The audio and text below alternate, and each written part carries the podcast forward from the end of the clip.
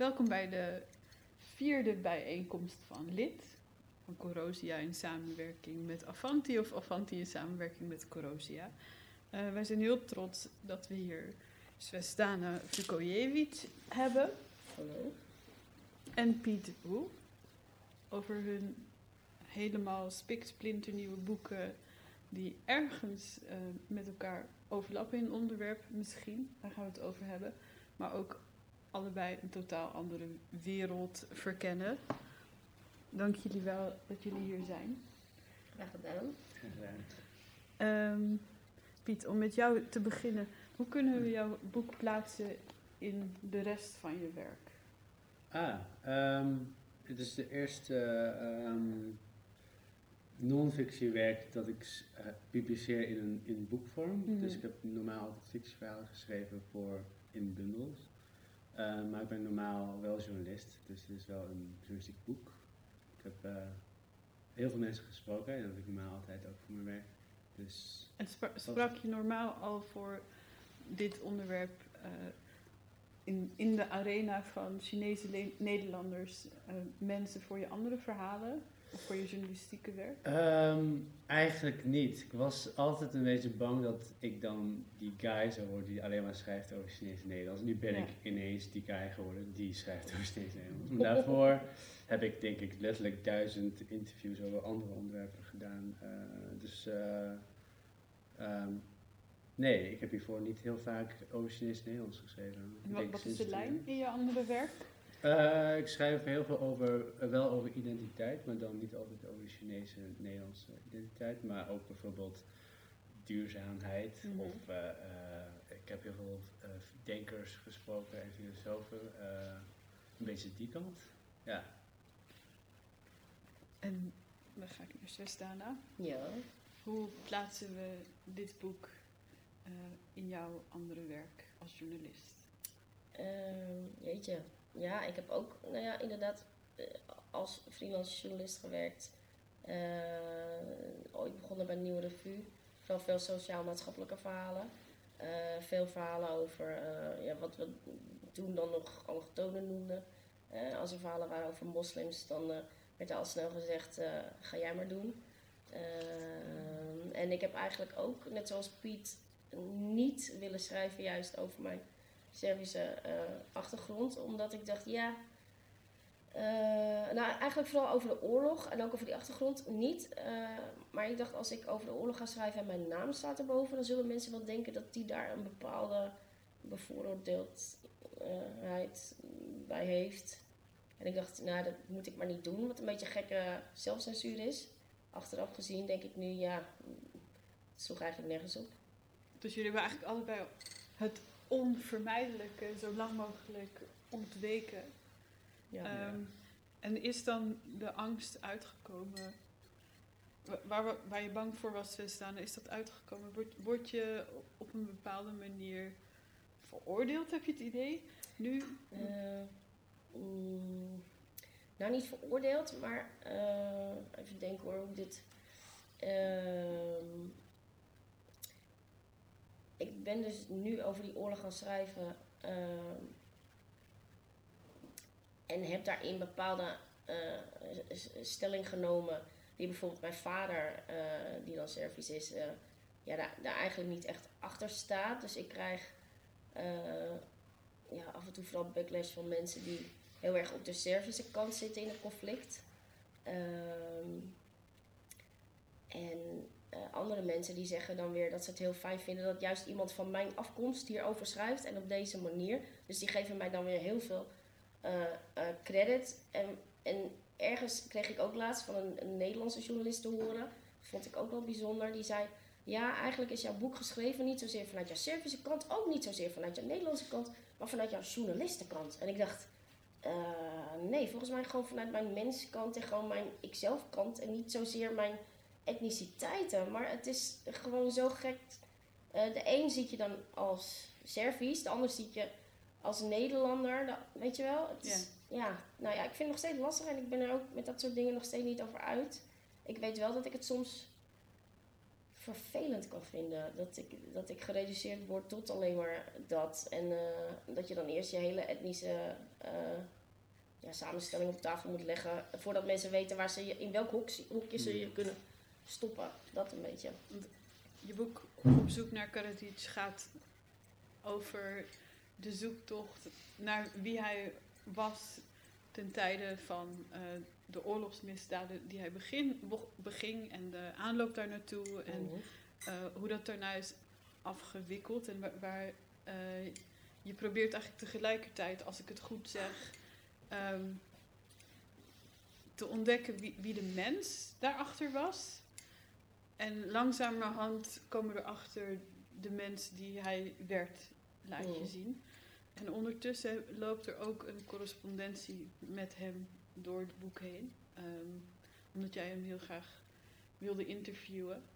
Voor je boek, uiteraard. Mm. Um, dus dat, is een beetje, beetje het verhaal. Ja, dat nou, een beetje, Ja. Het is een prachtig en uitgebreid boek waar je volgens mij een jaar of tien alles bij elkaar. Uh, ja, niet, dagelijks. Ja, ja, ja, niet maar wel- Dat zou echt... eh, Nee, maar ik denk dat het wel die tien jaar nodig had. En eh, ik kan me voorstellen dat je gaandeweg die tien jaar ook zelf anders bent gaan kijken naar jouw eigen positie tegenover het verhaal van Servië. Wat, wat, is een, wat is een belangrijke groei die je hebt doorgemaakt? Nou, ik heb bijvoorbeeld, eh, zeg maar, de aanleiding om dit boek te gaan maken was dat ik zijn vrouw en dochter interviewde. Ehm, en eh, dat, dat is dus nu dan tien jaar geleden ongeveer. En dat deed ik redelijk, eh, ja, hoe kan je dat het beste zeggen? Gemakzuchtig eigenlijk.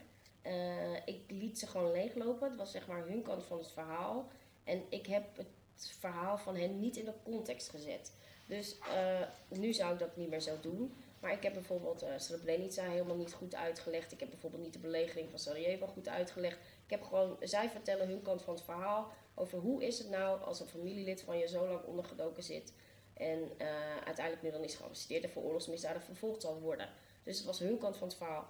Um, Welk jaar was dat? 2008, denk ik. Maar denk je niet dat in 2008 misschien de lezer nog iets dichterbij stond bij wat er is gebeurd? Of was dat al ja, te lang weet ik niet. Ik, ik denk wel dat je eigenlijk meestal ervan uit moet gaan dat de lezer uh, niet het conflict uh, alle minuut zo kan reprodu reproduceren. Uh, dus dat het altijd wel goed is om het in context te plaatsen. En ik heb dat gewoon toen te weinig gedaan. En toen begon ik aan dit boek. ik heb dus allerlei vrienden van hem gesproken, collega's.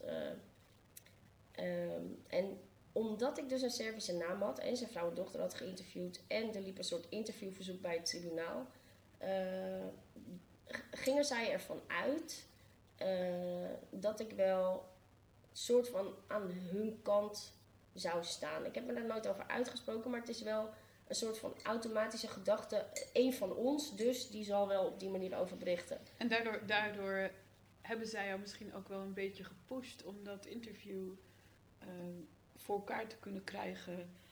de toestemming om. Ja, nou ja, ik, ik Ja. had er wel een streepje voor vanwege mijn naam. En uh, dat heb ik me toen een beetje laten aanleunen, misschien wel.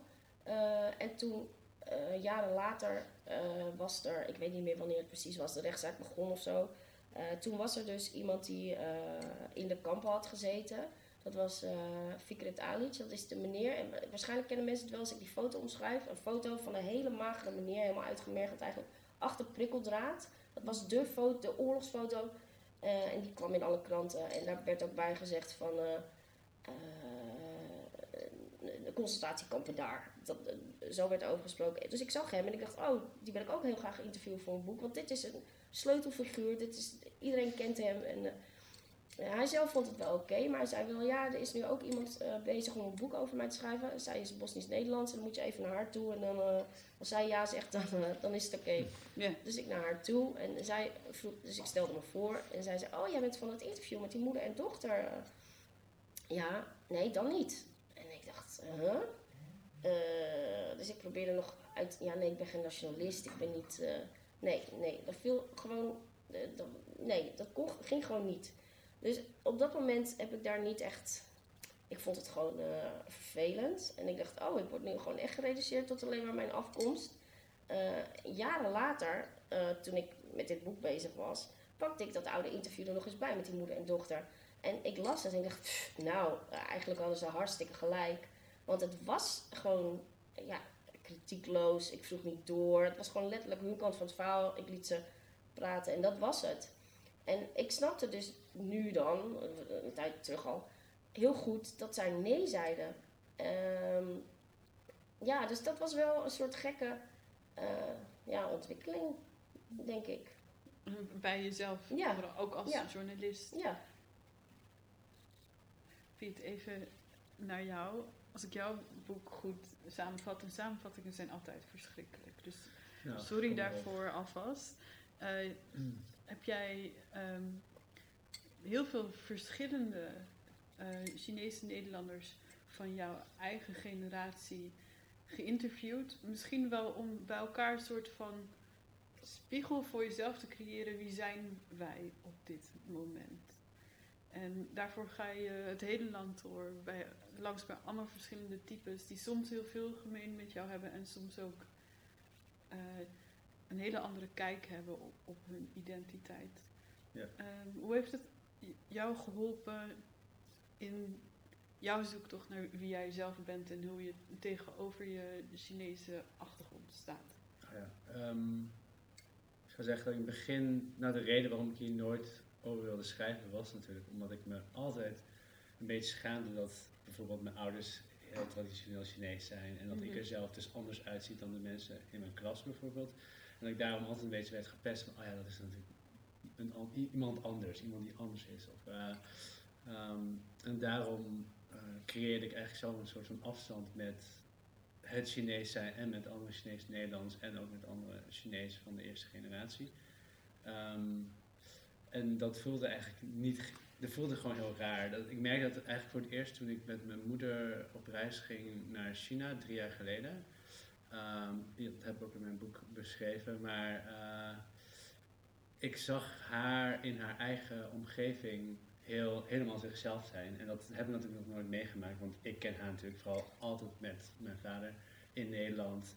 Wanneer ze gaan, wanneer ze gaan boodschappen gaan doen of dat soort dingen. Weet je wel. Dus Mhm. niet dat ze ontspannen. Zij liep gewoon ontspannen in haar thuisstad. Ik dacht van wauw, wie is deze vrouw? Deze vrouw die gewoon eh, dingen aanwijst. Van hé, hey, kijk hier winkel ik vroeger, hier eh, speelde ik vroeger. Gewoon, deze vrouw, ik ken haar eigenlijk helemaal niet. En Dus ze- viel voor het eerst op haar plek.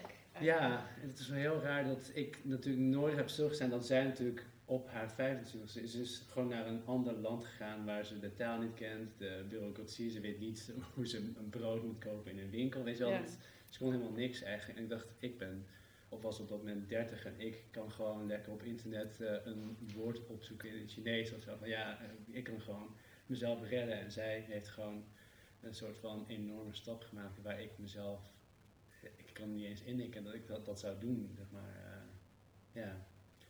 Dus, zo, wat was je vraag? Ja, Maar, maar nou, ik denk dat dit heel veel, eh, dat dit zeker een antwoord is op een vraag. wa- Wat je hebt geleerd over je eigen positie tegenover de Chinese identiteit. ja. ehm, door het maken van het boek. En wat je nu vertelt is natuurlijk ook onderdeel van het verhaal ja, in het boek. Ehm, maar misschien ook, had je ook het gesprek of al die gesprekken nodig om tot deze conclusie te komen.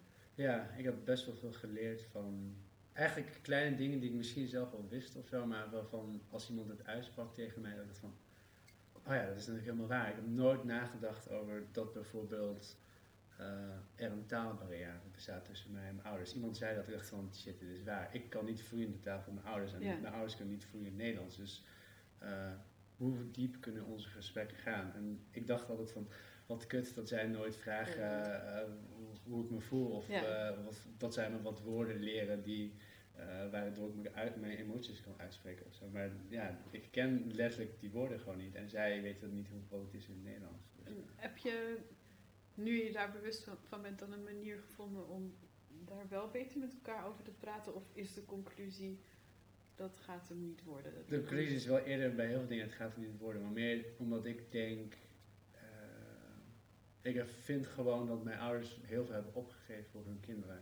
Dus dat zij bijvoorbeeld, ehm, zij wilde, toen, toen mijn moeder hierheen kwam uh, op haar 25 of mijn vader, en toen dachten ze echt niet, laten we uh, 30 jaar lang een snackbar beginnen in uh, Brabant. Dat hebben ze natuurlijk nooit gedacht toen ze klein waren. Dus Ja. uh, het hele idee dat zij nu eigenlijk geld. Ze hebben heel veel opgegeven voor hun kinderen, dat heb, heb ik eigenlijk beseft. Gewoon. Ja, dat eigenlijk. Want dus mij meer het respect idee van dat mijn ouders, de migranten in de ogen van heel veel mensen, uh, uh, gewoon een, heel erg een product zijn van hun generatie en hun, de tijd eh, en de plek waar ze vandaan komen. Zijn zij gewoon heel erg Edisch uh, China, zeg maar. En China is natuurlijk ook al lang doorgegaan bijvoorbeeld. Maar dat, ja, dus gewoon meer een besef van en rust van, oh ja, zij kunnen aan heel veel dingen kunnen ze ook niks doen, want ze hebben nu helemaal gekozen voor, we gaan hard werken voor onze kinderen. Ja. In plaats van, uh, laten we elk weekend met onze kinderen naar de dierentuin gaan. Zo, dat deden we nooit, maar Ja. dat idee heb ik altijd, dat Nederlandse kinderen dat wel Dat doen. altijd doen. Ja. Dat- Elk weekend. Ja. ja. Dat kan Of ik bruschettas Ja, ja. maken, kamperen, Ja. eh, dat Ja. soort dingen. ik weet niet. Ehm, is, er, is er iets wat je dan tegen de 10 of 15-jarige Piet zou willen zeggen? Iets wat je nu weet, waarvan je denkt, oh, had hij dat toen maar Oh. geweten, dan kon hij, dan, kan, kon hij misschien makkelijker omgaan met wat anders zijn dan de rest van zijn klas. Ja, maar dat gaat dan misschien toch over iets heel anders. Want ik dacht toen ik klein was en ontdekte dat ik op mannen viel, dat ik dus onterfd zou worden en uit het huis gekikt worden. En dat Ja. heb ik, denk ik, 15 jaar gedacht of zo, sinds ik het ontdekte. dacht ik, oh oh, dit is echt, eh, dit klopt niet. En, eh, dus ja, als ik dan iets mocht zeggen, dan zou ik waarschijnlijk daar iets over zeggen. Dat Niet- dat wel goed komt. ja, want dat was denk ik wel een, een andere stap die ik wel eerst moest zetten voordat ik het boek kon schrijven, denk ik. Want ik moest eerst dat observeren en nu is mijn volgende coming out natuurlijk als Aziatische Nederlander. Heb ik niet gehad, Oh. publiekelijk. Oh. En hoe? Ehm, je hebt nogal wat losgemaakt met het boek. En ehm,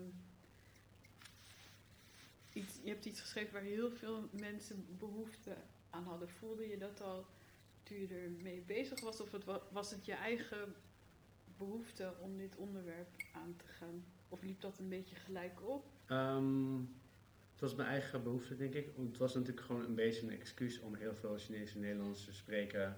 Om mezelf wat van te leren. En nou, het is mooi gelukt dat het dan ook gewoon een rond verhaal in het boek komt.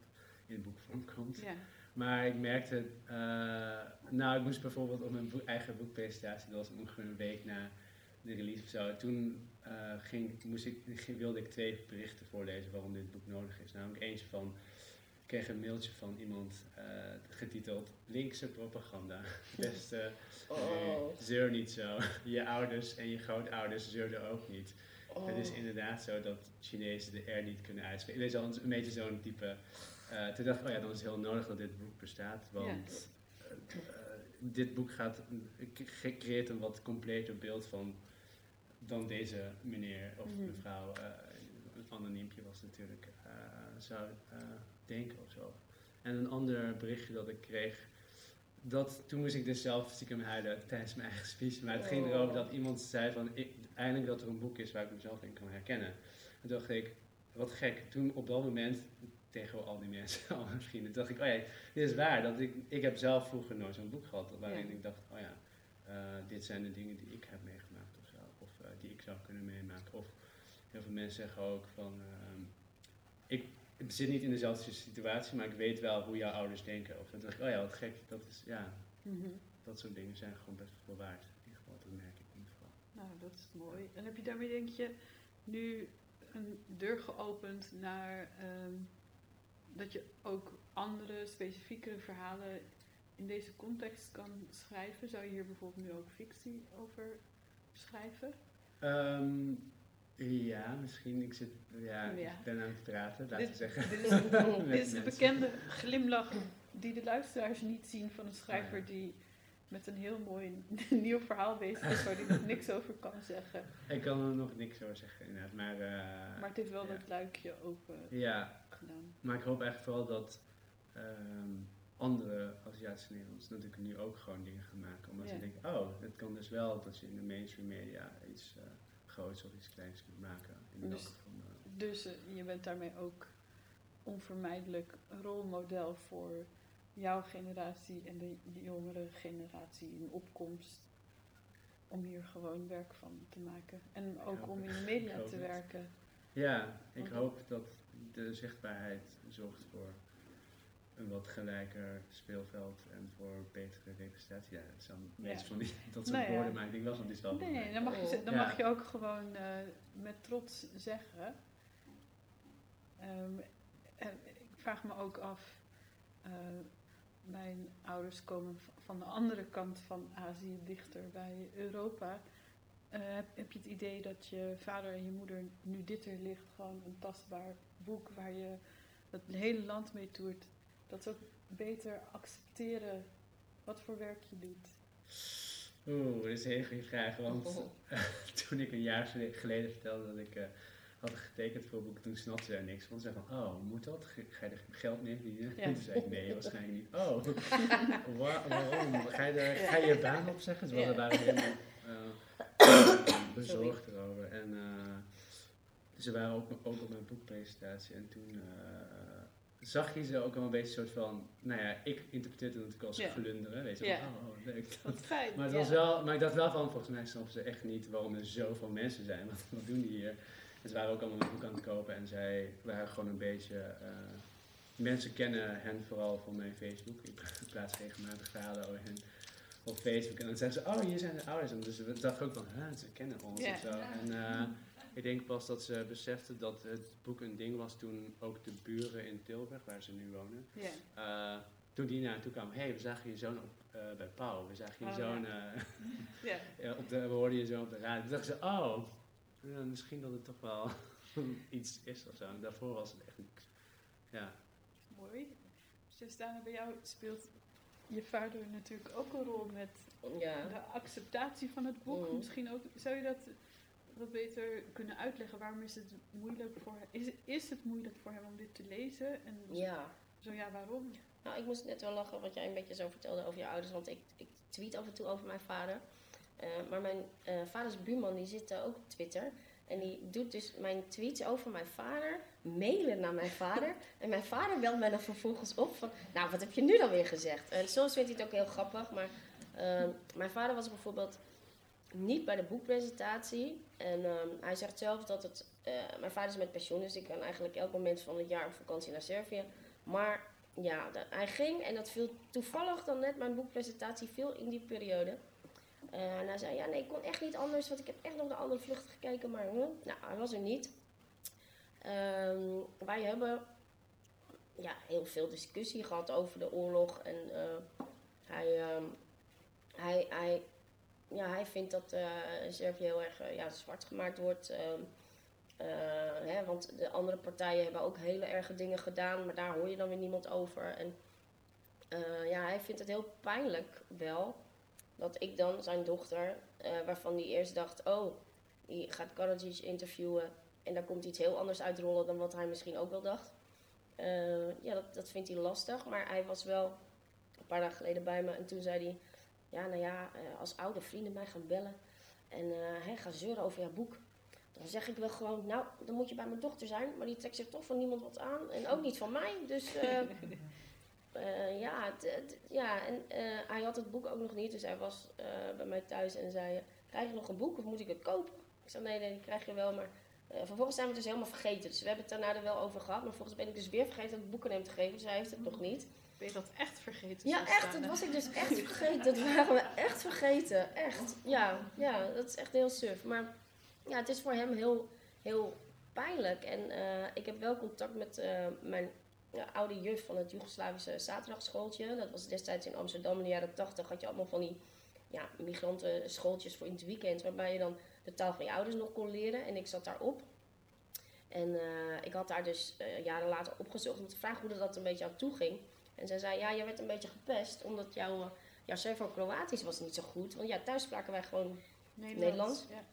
en ehm, eh, nou ja, eh, zij had het boek wel al gekocht en gelezen. En ze zei, ik begrijp heel goed hoe jouw vader erin staat. Ik ben ook Servisch. Ik, ik snap heel goed eh, dat hij het zo ziet. Maar ze zei, ik ben wel heel trots op je, want je hebt echt... Ze zei, je kon er gewoon niet omheen. Iemand moet dit opschrijven. Je kunt dit niet op een andere manier doen. En eh, eh, toen noemde ze een Serbisch spreekwoord. Ik ben heel trots dat jij een blad bent van ons bos. En dat vond ik wel zo mooi. Dat ik dacht, oh ja. Maar ze snapte heel goed mijn vaders eh, moeite ermee. En die, die heeft ze zelf ook. Maar ze vond het wel heel dapper dat ik toch ja, het ben aangegaan. Dus dat vond ik ook wel heel fijn om te horen. Maar nu denk ik wel, dus ik, elke dag check ik mijn mail een beetje zo van, oh god, wanneer komen ze?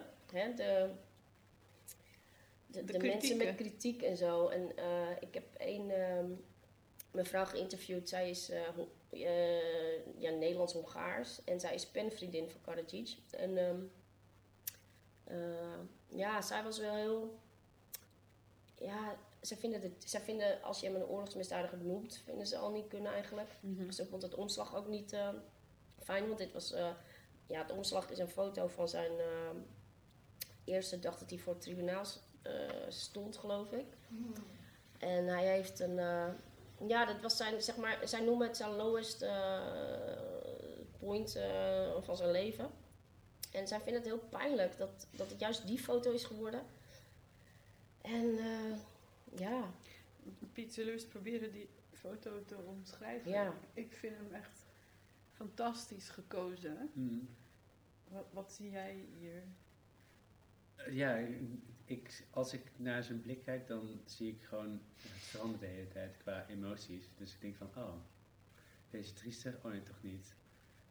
Zijn kin, hij Ja, houdt zijn kin omhoog, ja, toch is- wel, ja. En dan denk, kijk je naar zijn ogen en denk je, oh, kijkt een beetje, Een beetje Niet- waterige ogen ook. oh ja. mm, Maar hij kijkt, ook, kijkt je niet aan. nee. Ik, ik vind, voor- voor mij was de omslag echt een portret van een man die, terwijl je het boek leest, steeds verandert. En daarmee verandert ook steeds de omslag. Dus ik Mhm. vond hem heel knap gekozen.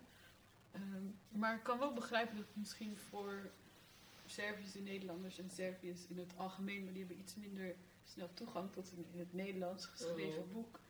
Ehm, is het misschien te vroeg om die confrontatie aan te gaan voor bijvoorbeeld je vader? Kan hij daar al op reflecteren? Nou ja, kijk, wat het gekke is ook. eh, mijn vader zat gewoon hier. Hè. Mijn vader is hier al sinds. eh, eh, in de jaren 70 is hij hier naartoe gekomen. Hij heeft mijn moeder ontmoet in Oostenrijk. was een vakantieliefde. Hij kwam hier naartoe. Dus hij heeft de hele oorlog daar niet meegemaakt. En hij is ook eigenlijk in al die jaren alleen maar naar Servië toe geweest. Dus Kroatië, ja, ooit wel een keer op vakantie in Kroatië ergens in de jaren 80. Maar daarna is hij in geen van al die voormalige eh, of landen van voormalig Joegoslavië geweest. En ik wel. En hij, hij, als ik daar dan heen ging, dan waarschuwde hij me ook altijd van... Oh jee, pas op. Als je daar je naam zegt, nou, dan word je in elkaar getimmerd. Of als je daar naartoe gaat. Of, eh, ik werkte op een gegeven moment samen met een, een Bosnische collega, een man. En die was van huis uit moslim, maar eigenlijk helemaal niet praktiserend. Gewoon atheïst. En eh, ik zei, nou ja, hij komt nu twee weken logeren. En we gaan samen aan het werk. heel ingewikkeld verhaal maken.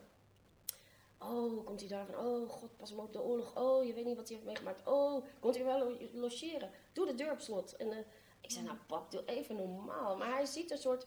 Hij, hij keek dan ook heel lang naar de, nou ja, de staatstelevisie. Ja, eh, eh, het is hier heel veel toch? Ja, hier ook. ehm, via de schotel, ook tijdens de oorlog. Dus hij kreeg eigenlijk alleen maar die eenzijdige propaganda eh, constant over zich heen. En ja, die ging daar helemaal in mee. En dan kan ik wel roepen, ja, maar nee, er is dit en dit gebeurd. En kijk dan deze bron en kijk dan die bron. Maar eh, ja, het, is een beetje... Op een gegeven moment zei ik ook... eh, ja, don't mention the war. Ehm, laten we het er gewoon niet over hebben. Want als we het over hebben, krijgen we ruzie. En ja, het schiet gewoon niet op. Dus eh, wat was je vraag inderdaad? Nou ja, ik ben heel lang... Nee, ik denk dat met wat je zegt over don't mention the war, de vraag was, is het misschien te vroeg voor, voor hem en zijn generatie om dit al zo open en bloot terug te lezen? Ja, ik denk wel dat, dat, dat voor inderdaad die generatie het, het lastig is. Ik merk wel dat als ik nu met mensen van mijn leeftijd eh, het erover heb, en dan kunnen we het er gewoon over hebben. Eh, en dat is al een stuk relaxter. Ik heb wel het idee dat die, die generatie iets meer nog in die loopgraven zit. En eh, ja, maar jullie, ja, nee, maar jullie, ja, maar jullie. Maar... En ik heb het idee dat wij, eh, die jongere generatie, en daar nog veel meer, want ik zit hier, hè, ik heb Ja. überhaupt eh, vrij weinig daar. eh, er zijn daar heel veel hele goede mensenrechtenactivisten die bezig zijn voor verzoening. aan alle kanten bezig zijn om al die cijfers in de oorlog, waar heel veel mee wordt gemanipuleerd, om dat gewoon echt officieel vast te stellen. Dat niemand gewoon kan gaan goochelen met die cijfers. Van ja, nee, maar het waren zoveel duizend minder. Nee, nee jongens, we hebben bewijs, we hebben forensisch bewijs. We hebben eh, een lijsten van mensen die zijn overleden. Het is allemaal gecheckt, er zijn rechtbankverslagen. Ehm, en dat is heel belangrijk. En ik denk wel dat, dat de mensen, de jongere generatie, dat nu aan het doen is. Dat is heel belangrijk. En die ouderen, ja. eh, het lullig is alleen wel dat ze daar nog wel veel aan de macht zijn. Dus eh, ja, dat is lastig. Bij, bij de cijfers komen we misschien Ja. nog zo terug, want dat beschrijf je op gruwelijke wijze. Want er zal geteld moeten worden om te weten hoeveel doden en of vermisten er zijn. Ik krijg er kippenvel van alleen al de gedachte aan hoe je dat omschrijft. Ehm, wat, wat ik me wel afvraag is of het voor, voor de diaspora, dus voor, voor mensen die hier zitten en dus ook voor je vader anders is dan ook zijn generatie daar die Ja, door tuurlijk. heeft moeten Ja, gaan. dat denk ik ook wel, ja. Want eh, ehm, de mensen hier en mensen die tijdens de oorlog zijn weggegaan of daarvoor, die hebben allemaal ook nog een heel eh, warm gevoel bij het woord Joegoslavië en zo. Ja, mensen daar die zijn al lang verder gegaan. Die hebben daar helemaal geen tijd voor om daarbij stil te staan uitgebreid. En eh, die moeten gewoon door. Eh, werkloosheid is heel hoog. Die zijn met hele, hele andere dingen bezig ook dan... ja, dus, dus ja, het zijn inderdaad hele andere ja, werelden. Wat logisch is wel. Piet, ik ga natuurlijk heel de tijd proberen heen en weer bruggetjes te slaan tussen jullie. Ehm, je beschrijft ontzettend eh filmisch, wat mij betreft, ehm, een reis die jij met je moeder maakt. En ik zou je graag willen vragen of je dat, in plaats van dat ik het nu ga omschrijven, of jij dat daar een stukje van voor wil lezen voor ons. Ja. En als je daar eerst context bij wil geven, dan mag dat, maar volgens mij Weet je dat ik wel van Als jij dat nodig niet? vindt. Eh, Oké, misschien een beetje. Ik ging met mijn eh, ouders mm, drie jaar geleden naar China. Eh, dat was vlak voor de, nadat ik uit de kast kwam bij mijn ouders. En ehm, toen ik daar aankwam, toen probeerden ze me eigenlijk alsnog te koppelen aan mijn vrouw. Dus dat was een beetje het, idee. Maar het stukje wat ik ga voorlezen gaat niet daarover. Nee. dus het is meer dat, dat in, die, in diezelfde reis gebeurt ook dit. Er dwarrelt as door de lucht. Alles ruikt naar verbrand papier. Oma zou zo gelukkig zijn geweest dat je terug bent gekeerd naar China, zegt mijn tante in Mutochwa. Bovendien gaat je nichtje trouwen. Zo gelukkig. Ze probeert een arm om mijn schouder te slaan. Ze is even klein als mijn moeder en dus staan we er wat ongemakkelijk bij. We eren vandaag mijn overleden grootouders bij een gezamenlijke graf ergens in de doodzille beboste bergen bij Wungto. Mijn moeder hangt felgekleurde papieren slingers over hun grafsteen. De jaarlijkse grafveegdag in China is alweer een aantal weken geleden. Maar nu we nu toch op bezoek zijn, doen we de rituelen van die dag nog eens dunnetjes over. Na het schoonvegen van de met dode takken en bladeren bezaaide stenen tekent mijn oom met krijt een cirkel op de grond. En bedanken we mijn grootouders. Terwijl giften worden geofferd door die binnen de getekende cirkel te verbranden. Duizenden nep bankbiljetten, kleine plastic autootjes, nep horloges, nep gouden armbanden en andere dingen die mijn opa en oma in het hiernamaals nodig zouden, zouden hebben gehad. Hebben we geen iPhones voor ze dit keer? vraagt mijn moeder, terwijl ze een goudkleurige nep Nokia 3300 in de vlammen gooit. Mijn tante haalt haar schouders op en grapt, nee, die geven we volgende keer wel. Ze hebben toch geen bereik in het hiernamaals. Mijn tante schenkt intussen rijstwijn in plastic bekertjes. Ze heeft vanochtend stukjes courgette gesneden om mijn wierookstokjes in te steken bij het graf, maar mijn oom gebruikt daarvoor een leeg bierblikje. Vervolgens biedt mijn tante haar overleden vader wat gouden munten aan, via de opstijgende rook.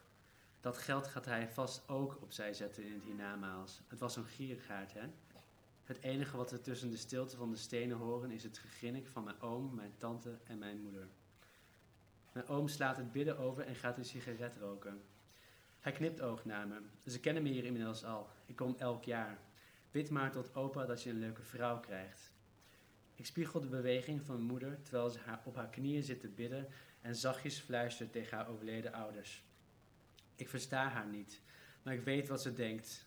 Ze is bang dat ik hulpeloos alleen zal eindigen. Zonder eigen kinderen die elk jaar mijn graf komen schoonvegen. Zoals mijn moeder en haar sibbelingen vandaag op bij hun ouders doen. Ik moet denken aan die regenachtige dag dat mijn vader me naar het station van Tilburg bracht. En opperde dat ik mijn excuses moest aanbieden aan mijn overleden vader. Ik ben vooral druk bezig met dat niet te doen natuurlijk. Terwijl ik doe alsof ik bid en met gevouwen handen drie keer diep buig voor mijn grootvader. Een kleine man in mijn herinnering, de baas van de lokale boerenbond. Mijn moeder legt een weggevla- weggewaaide slinger terug. In China geldt, in het leven hang je zelf de slingers op en je hoopt dat je kinderen dat na jouw dood voor jou doen. Mooi. Mooi. Mooi het ook eh, ontroerend en treurig is tegelijk. Want ehm, je beschrijft later ook ehm, dat je moeder misschien wel bang is, of jij misschien meer, dat er niemand is straks om die slingers voor jou Ja, op te hangen. Ehm, en daar va- valt voor mijn idee eigenlijk. Je hebt een dubbele coming out in het boek, misschien. Aan de ene kant je geaardheid en de andere kant als banaan, zoals je Ja. moeder dat heel mooi noemt. ja. Ehm, wa- wat, heeft, ehm, wat heeft het nadenken daarover? Over, ehm, nou ja, aan de ene kant misschien voldoen aan dat beeld wat, waar je ouders van dromen. Een, een partner naast je met wie je kinderen hebt. En Hmm.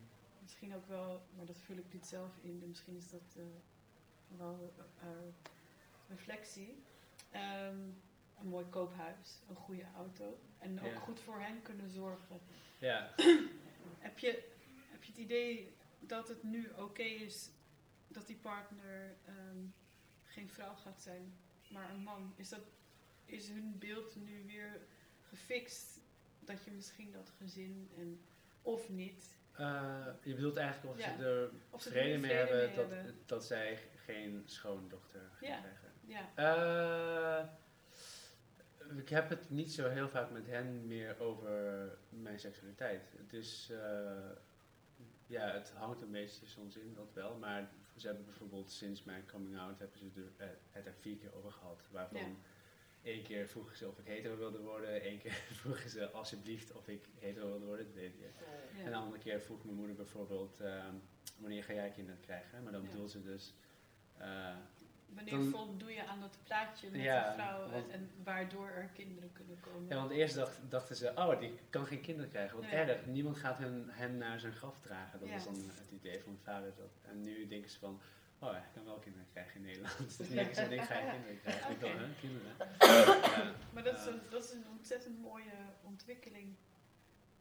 Ja, want nou ja, mijn moeder zei in het begin van ja, ik ga het nooit accepteren. Maar nu denk ik gewoon stiekem dat ze van oh, eigenlijk is zij nog steeds best wel leuk als kind. Maar als mijn Ja. kind. Dus dan denk ik van oh ja, wel geluk dat, Ja. dat ze een ding van... Zeg dat ik een soort van zwart schaap was geweest in de familie. Dan was, was ik natuurlijk verloren geweest. Ja. Dus, dus je hebt er eigenlijk mazzel mee dat je, dat je eigenlijk wel heel, heel leuk bent. Waardoor ze... Laten we zeggen, het is niet voor niets dat ze mij mee naar China wilde in plaats Ja. van mijn siblings. Nee, ik zeg niks. ik denk dat het voor eh, ik kan het namelijk gewoon met haar best wel goed vinden. Het is Ja. niet van, ja, ik, vooral tijdens die reis van eh 14 dagen of zo was het in China toen. eh, het was gewoon heel belangrijk voor haar om te zien dat ik niet, ineen, niet anders ben geweest, ben geworden sinds ik eh, bij haar ben. Ja, dat, Dus ja, scheelt, ook wel heel veel. Sorry, echt. ja, dat scheelt zeker. Ja. Ehm, maar dat betekent niet per se dat het makkelijk is om iets wat je samen doormaakt, het ook nog eens in zo'n boek op te schrijven, omdat het dan ineens van iedereen is. En iedereen daar ook iets over kan zeggen. ja. Is het, dat, dat is wat mij betreft heel kwetsbaar. Misschien nog wel ehm, moeilijker dan iets over je ouders zeggen in zo'n boek. Heb je, zijn er ehm, Aziatische Nederlanders geweest die je daarover heb- hebben benaderd? Heb, heb je, Nee, echt niet. Of in ieder geval, dat, die mensen berichten mij dan in ieder geval niet. Maar ik heb wel heel veel verhaal, eh, mensen gehad die gewoon berichten van... eh, heel veel mensen gewoon zeggen, ik ben heel super blij dat dit boek is. Ik heb bijvoorbeeld ook best wel wat expliciete scènes in het boek. En in- bijna niemand begint daarover. Ik denk van, oh, die hebben er niet overheen gelezen. maar Die hebben het gewoon gelezen en gewoon geaccepteerd van, ja, eh, dat is ook gewoon een deel van zijn leven of zo. Ben, je- ben je in dat opzicht blij dat je ouders dit niet zo snel zullen lezen? Maar laten we zeggen, mijn ouders lezen heel langzaam. En Ja. het stuk waar jij misschien op doelt is op ongeveer een drie vierde. Dus Ja. ik denk dat het nog ongeveer negen maanden duurt voordat ze dat er zijn. En daarna wordt het onterfd waarschijnlijk. Ja. Nee, Oh. Ja, ehm, eh, dus je hebt nu een beetje buffertijd tot, tot zij bij het stuk aankomen wat misschien Ja, wel- maar ik vond het wel belangrijk om dat er wel in te stoppen. Dus op zich... eh, ik heb eigenlijk pas een maand voordat de publicatie heb ik pas ook nagedacht dat mijn ouders het ging, ook gingen lezen. Dus ik, oh ja, kut. Maar eh, het is niet te laat, hè? Ja, absoluut, want Ja. we, we kunnen het nu allemaal gewoon kopen. en, en- maar daarmee is het ook een ontzettende bevrijding, want je, je, je hoeft niet meer bang te zijn dat je expliciet bent. Je kan comfortabel zijn met je geaardheid, ook in je werk. En ook, eh, je hebt uitstekend uitgelegd hoe je je verhoudt tegenover je Nederlander zijn en je Chinees zijn. Ja. Dus ehm, loop je nu ook heel anders door het leven? Nee, ja, ik heb er echt een- vorige week over nagedacht. Maar inderdaad, ik had eh, deze week, nee, vorige, afgelopen maandag een event met, wat was het, 160 Chinese Nederlanders. Toen dacht ik, oh ja, best wel eh, gek of zo. Maar ik vond, me- voelde me wel heel veel comfortabeler dan ik normaal zou doen. Vroeger zou ik denken oh nee, straks denken ze dat ik erbij hoor. En nu denk ik, oh deze mensen komen voor mij. Dus dan is het toch een, ander idee. Maar ja, je hebt wel een beetje gelijk wat dat betreft. Het rode schrijven helpt heel erg met eh, het accepteren van alle kanten van jou, maar misschien Ja. ook van de gemeenschap. Want je gaat in het boek ook ehm, naar bijeenkomsten met andere eh, Aziatische Nederlanders. Ja, En ik kan me heel goed voorstellen dat je eerst denkt: oh, maar zij zijn heel anders dan ik. Toevallig komen hun ouders ook ongeveer waar mijn ouders vandaan komen. Maar zij gaan daar anders mee om dan ik. Je hebt Ja. je- is, en nu ineens eh, komen ze voor jou. Ja, Ehm, ben jij nu wel een van hen? Of?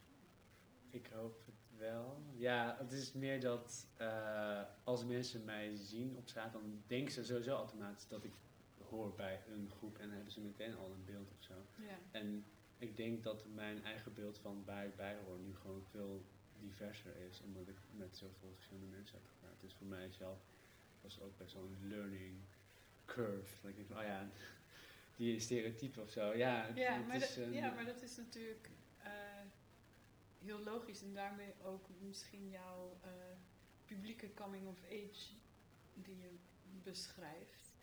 Ehm, maar misschien, en ik weet hier niet een antwoord op, is het niet ook dat als je, hoe eerlijker je naar jezelf kan kijken, hoe meer je juist ook onderdeel wordt van heel Nederland. Omdat er ook plek is voor voor mensen met jouw achtergrond. Maar dat betekent niet per se dat je de hele dag Chinese Nederlander bent. Ja, Ja. En daarmee, maar di- dit stukje van de spiegel van wat Nederland is, is volgens mij wat betreft heel veel mensen keihard nodig. En daarom ehm, is er ook extra veel aandacht voor, voor je mooie boek, denk ik. Toch? ja, ik denk het wel. En ehm, je beschrijft ook in je boek hoe dat ook in andere media zo werkt. En dat er nu bijvoorbeeld in Hollywood en bij Netflix en eh, elders op televisie ook veel meer eh, Chinese Hmm.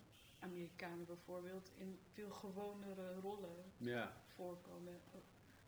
En ik kan me voorstellen dat ook dat weer voor je eigen, voor je zelfbeeld ook heel Ja. fijn is. ja, dat er inderdaad gewoon ook in mainstream media verhalen worden verteld die meer met mij te maken hebben Ja. dan... eh, Weer een stapje dichterbij.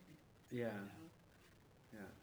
ik kom zo nog bij je terug over hoe, eh, hoe mensen naar je kijken en ook hoe, hoe dat bijvoorbeeld op eh, dating apps werkt. Ehm, ik schakel weer over naar Zesdana die ook wat fragmenten waar ik van ondersteboven was heeft, waar ik een briefje tussen heb gestopt. ik zou graag willen gaan naar ehm, een gedicht van Karadzic. Oké. Even kijken, waar moet ik beginnen? Dan beginnen wij in oktober. Oh ja. En je mag hem ook inleiden als je Ik moet even denken. ehm, ja, want het wordt wel geduid. Dus. Ja. In oktober 1992 komt de Russische dichter Eduard Lim- Limonov een kijkje nemen bij de frontlinie van waar de Bosnische Serviërs Sarajevo beschieten.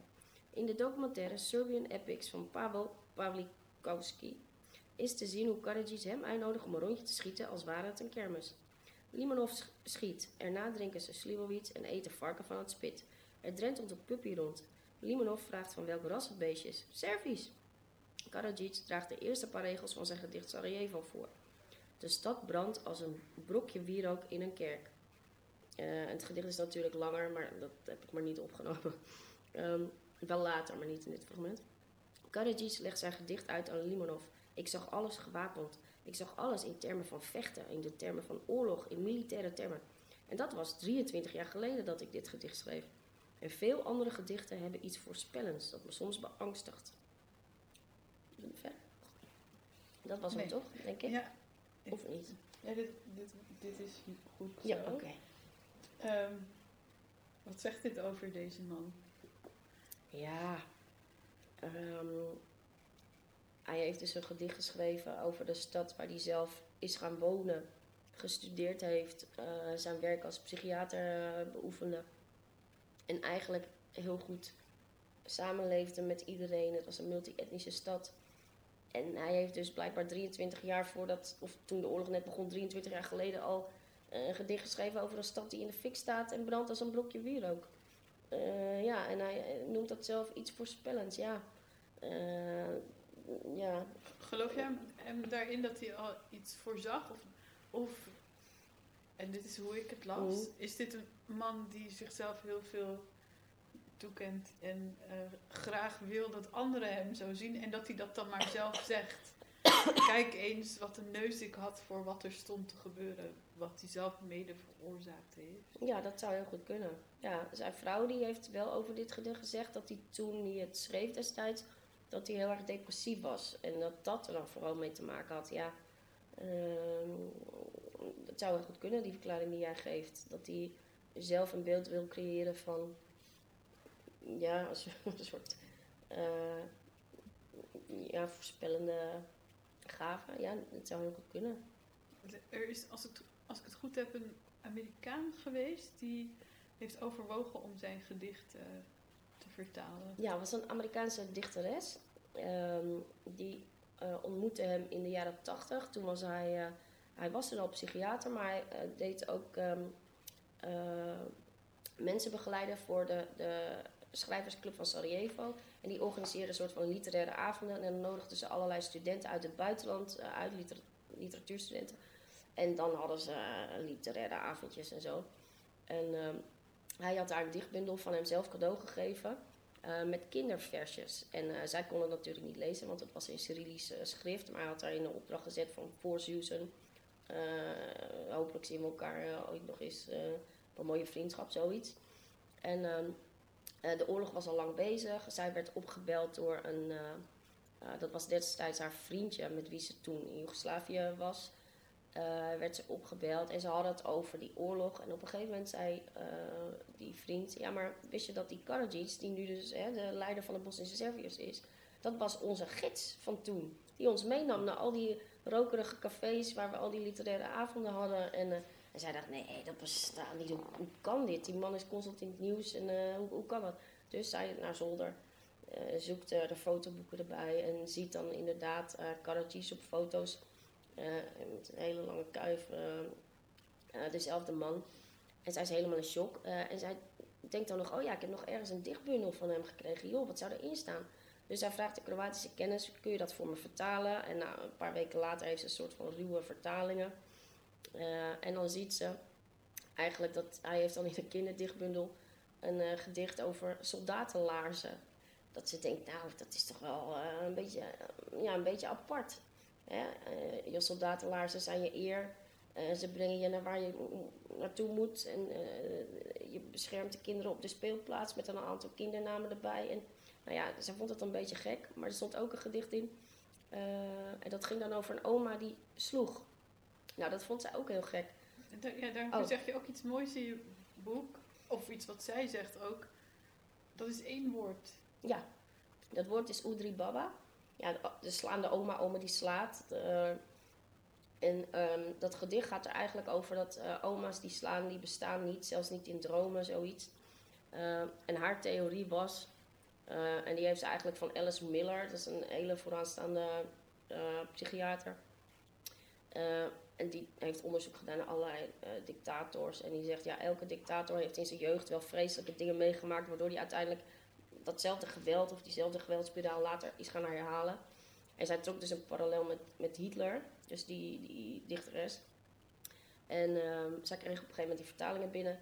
En zij dacht, goh, dat is eigenlijk wel interessant om die bundel te laten uitgeven. Want dan krijgen we meer inzicht in die man zijn denkwijze. En eh, nou ja, waar ze het ook probeerden, niemand durfde het aan, niemand wilde het aan.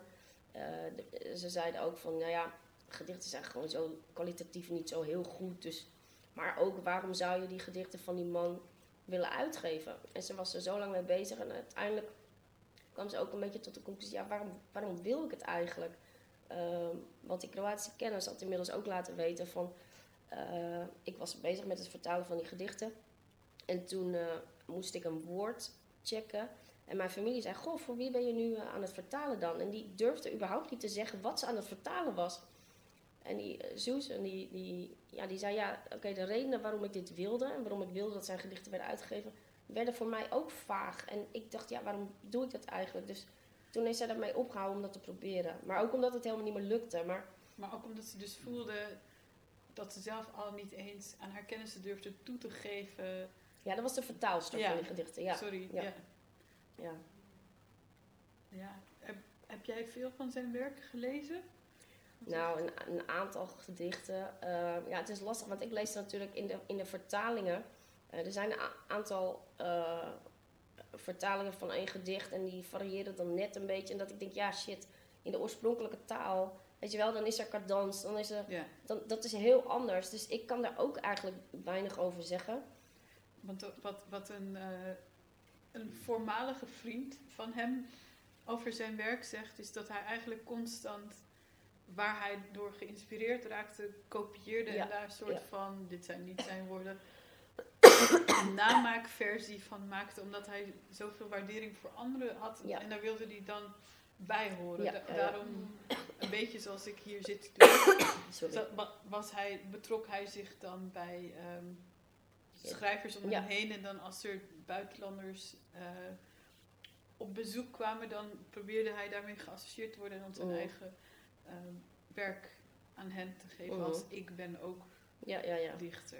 Hij heeft, die- is dat diezelfde dichtbundel die hij ook aan een voetballer heeft gegeven? Ja. Wil je misschien een slokje water? Eh, ja, maar dat is er niet. Dankjewel. Sorry hoor, wacht. Ik pak gewoon even nog een keelpastille. Het gaat wel weer. Dus, eh of we knippen hem eruit. Dat kan ook. kan dat? Ja, toch? Ja, tuurlijk. Oh, mooi. Adem maar eventjes. Ja. Want diezelfde dichtbundel heeft hij ook gegeven aan een voetballer van een team waar hij Ja. geloof ik zo'n anderhalf jaar of zo iets mee te maken had. Waar hij zich eigenlijk, om het plat te zeggen, naar binnen geluld heeft. Ja, ja. Wat was daar, ehm, heb je, ben je alweer op Ik adem? ben oké. Ja, ja, ja. Ik wat, wat heeft hij daar precies gedaan? Want hij was psychiater. Ja. En toen heeft hij En een dichter. uitstap en dicht, Ja, vond- dichter, ja. zelf benoemd dichter. ja, ja, ja, ja. En hij heeft toen een uitstapje gemaakt naar Ja, Uit de voetbalwereld. Ja, hij was zelf eh, ja, voetbalfan en hij had op een gegeven moment bedacht, zo ergens in de jaren tachtig, eh, ik word voetbalpsycholoog, dus ik ga gewoon eh, het voetbalteam van F, F, FC eh, eh, Sarajevo eh, coachen. Ehm, nou goed, er was helemaal geen opleiding voor, weet ik het. Hij begon gewoon. En het idee was om ze, ja, om een beetje het, het, eh, ehm, ja, wat hij deed was eigenlijk. hij zette al die jongens. Het waren dan natuurlijk jongens van een jaar of 18. eh, in de kleedkamer. Dan zette hij bepaalde klassieke muziek op. De vlucht van de hommel. En eh, dan zei hij: luister naar de hommel, luister hoe die vliegt, luister hoe die Nou ja, die jongens die lagen helemaal dubbel, want die dachten, wat is dit? De een liet een scheet en de ander ging boeren. En eh, ze namen hem gewoon helemaal niet serieus. En dan werd hij boos en dan liep hij weer weg. Eh, ze namen hem gewoon niet serieus. En een van die voetballers die zei ook... Ja, hij wilde een soort eenheid creëren bij ons. Maar hij zei dat dat was helemaal niet nodig. Want wij voetballen al met elkaar sinds de... Hoe noem je dat? De F'jes of zo, weet je wel. Van die jongetjes die van kleins Ja. af aan al met elkaar voetballen. En... ehm eh, wat was de vraag? Nou ja, dat, hij heeft dit, dat boek ook aan een van die Ja, voetballers ja, ja. Heeft gegeven. ook, ja, En die toen ook dacht in die tijd... Oh, dit is mooi, dit bewaar ik voor mijn kind. kind voor later, ja. Het- Ja. ja, en op een gegeven moment brak dus de oorlog uit en hij had dus een kind. En toen dacht hij, goh, ja, dat is toch wel heel gek dat zeg maar mijn oude sportpsycholoog nu degene is dan die eh, de stad laat beschieten. En waardoor mijn dochter in de schuilkelder zit en eh, ja, toevallig een banaan. Hij kwam op een gegeven moment, eh, nou ja, die mensen moesten elke dag tijdens de oorlog erop uit om eten te gaan verzamelen en zo. En hij kwam op een dag thuis met een banaan. Hoe die daar dan gekomen was, als je erover nadenkt, is natuurlijk bizar. Eh, maar dat dochtertje had natuurlijk nog nooit een banaan gezien, dus die wilde met schil en al opeten. En terwijl die, eh, die voetballer dat dus vertelt, schoot hij ook helemaal vol. En hij zei, ja, ik vind het ook echt vreselijk om hier over na te denken. En dit soort dingen proberen, heb ik uit mijn geheugen geprobeerd te wissen, maar het lukt, lukt niet altijd even goed. Ehm, en datzelfde boek, dat stond dus ook bij een goede vriend eh, van hem in de kast. En eh, zij zijn op een gegeven moment gebrouilleerd geraakt. En dat is eh, Marco Vesovic. En hij is professor literatuur aan de universiteit en zo. En wel iemand die echt, echt boeken heeft geschreven en dat soort dingen. En ook veel over de oorlog schreef. En er was oorlog. Hij had ook een dochter. En eh, op een gegeven moment, ja, het was heel koud. De elektriciteit was afgesloten. eh, het is daar zo min 20 in de winter. Eh, had hij een houtkacheltje op de kop getikt. En ehm, ja, wat moet je dan verstoken? Dus dan kijk je in je huis in de ronde. Ja, je bent schrijver en je hebt een hele grote boekencollectie. Ja, dan begin je toch maar op een gegeven moment aan je boeken. En toen dacht hij, oké, maar de eerste die er dus de kachel in gaan, dat is dus Karadzic. Dus dat, dat was de eerste die gewoon de kachel in ging. En eh, ja, dat, dat was wel heel symbolisch. eh. heftig ook. ja, Om, eh, om misschien wel zo, zo gehaat te worden... dat zelfs wat je op papier hebt gezet weg Ja. moet. mhm. We gaan even terug naar Piet via, via de banaan waar we het net over hadden. ja, ja. En ik, ik zou je weer willen vragen om een klein stukje voor te dragen. Je hebt inmiddels water, dus als je een slokje wil, Oh ja. dan mag dat eerst. Dat is niet deze. Dat is. Even, heel even. Het is ontzettend moeilijk om eh, vanuit zoiets zwaars naar iets wat ook ontzettend urgent is, maar zoveel luchtiger, zeker hoe dat nu beschreven wordt, te gaan. Dus ik hoop dat, dat uh, Zestaande, dat, dat je het niet oneerbiedig vindt. Ehm, maar ik zou je toch even willen vragen, Pieter, om Ja, tot waar? hierover te vertellen. Tot, wat heb ik net weggehaald? De Amsterdamse hier. Oh, Oh ja, tot... Oh, hier. Ja. Oké. Eh, het hoofdstuk heet No Asians. De Amsterdamse steward Sai Heng Lau heeft Tinder onlangs van zijn telefoon gegooid. Ik was er klaar mee. Ik vraag hem waarom. Ik denk dat ik het antwoord weet, maar misschien verrast hij me. Omdat ik geen antwoord kreeg van jongens. Heel weinig matches. Ik ontmoet ze liever in real life. Zij heeft hip opgeschoren haar, een trendy baardje, een Amsterdamse R. Ik was ooit met een ex op een technofeest toen hij me aansprak met hey, een andere Chinees. Ik grinnik als ik daaraan terugdenk. Zij is niet mijn type, maar hij is wel knap. Ik zat soms op Grindr en Tinder, gaat hij verder. En dan zag ik in de profielteksten van jongens regelmatig de boodschap No Asians. Je merkt als, eh, als Aziatische homo gewoon dat je minder populair bent. Ik weet voor 99% zeker dat het door mijn etniciteit komt. Mensen hebben een bepaald beeld van Aziatische mannen. Dat ze allemaal tenger zijn bijvoorbeeld. Terwijl de droomman van de gemiddelde Nederlandse vrouw en man toch groot, breed en wit is. Een Aziatische man is dat gewoon niet. Ik herken wat Sai zegt, dat Chinese homomannen in de westerse wereld op een muur van vooroordelen en uitsluiting stuiten. Dat heeft natuurlijk te maken met de bekende eeuwenoude stereotypen van Oost-Aziatische mannen. Dat ze allemaal vrouwelijker, kleiner en niet sexy zijn. Dat deze stereotypen als een ander beest, maar met dezelfde tanden terugkomen bij homo's onderling, wist ik nog niet toen ik op mijn 25ste weer single werd. Ik wilde in die tijd eigenlijk nog steeds niet openlijk homo zijn, maar de nieuwsgierigheid en de hormonen. Maar toen de nieuwsgierigheid en de hormonen het wonnen van de schroom en de geïnternaliseerde weerzin, installeerde ik Grindr op mijn smartphone. Grindr, de populairste dating app onder homo's, bestond al drie jaar voordat Tinder zijn intrede deed in 2012. En ik zag het als een handige toepassing van moderne technologie. Een lantaarn in de duistere zoektocht. Waar ontmoet je andere homo's als je ze niet herkent en of niet wilt dat anderen weten dat jij homo bent? Ik zette eerst zelf een anoniem profiel op, zonder foto, om zo voorzichtig rond te kijken. Ik was nog geen drie jaar uit de kast voor mezelf, rijkelijk laat en dacht in de online wereld te worden omarmd door een geheim genootschap. Eentje waar ik nooit bij had willen horen, maar nu steeds meer wel. Op Grindr ontdekte ik dat Nederlanders van Oost-Aziatische afkomst zoals ik helemaal niet zo populair zijn. Sterker nog, op sommige profielen werden duidelijke voorkeur aangegeven, zoals je het boekenaanbod op Amazon filtert. Van teksten als no blacks, geen zwarte mannen, no femmes, geen vrouwelijke types in de traditionele zin van het woord, no fats, geen dikke mannen, tot het al eerder genoemde no Asians. Aziatische mannen hoeven geen contact te zoeken.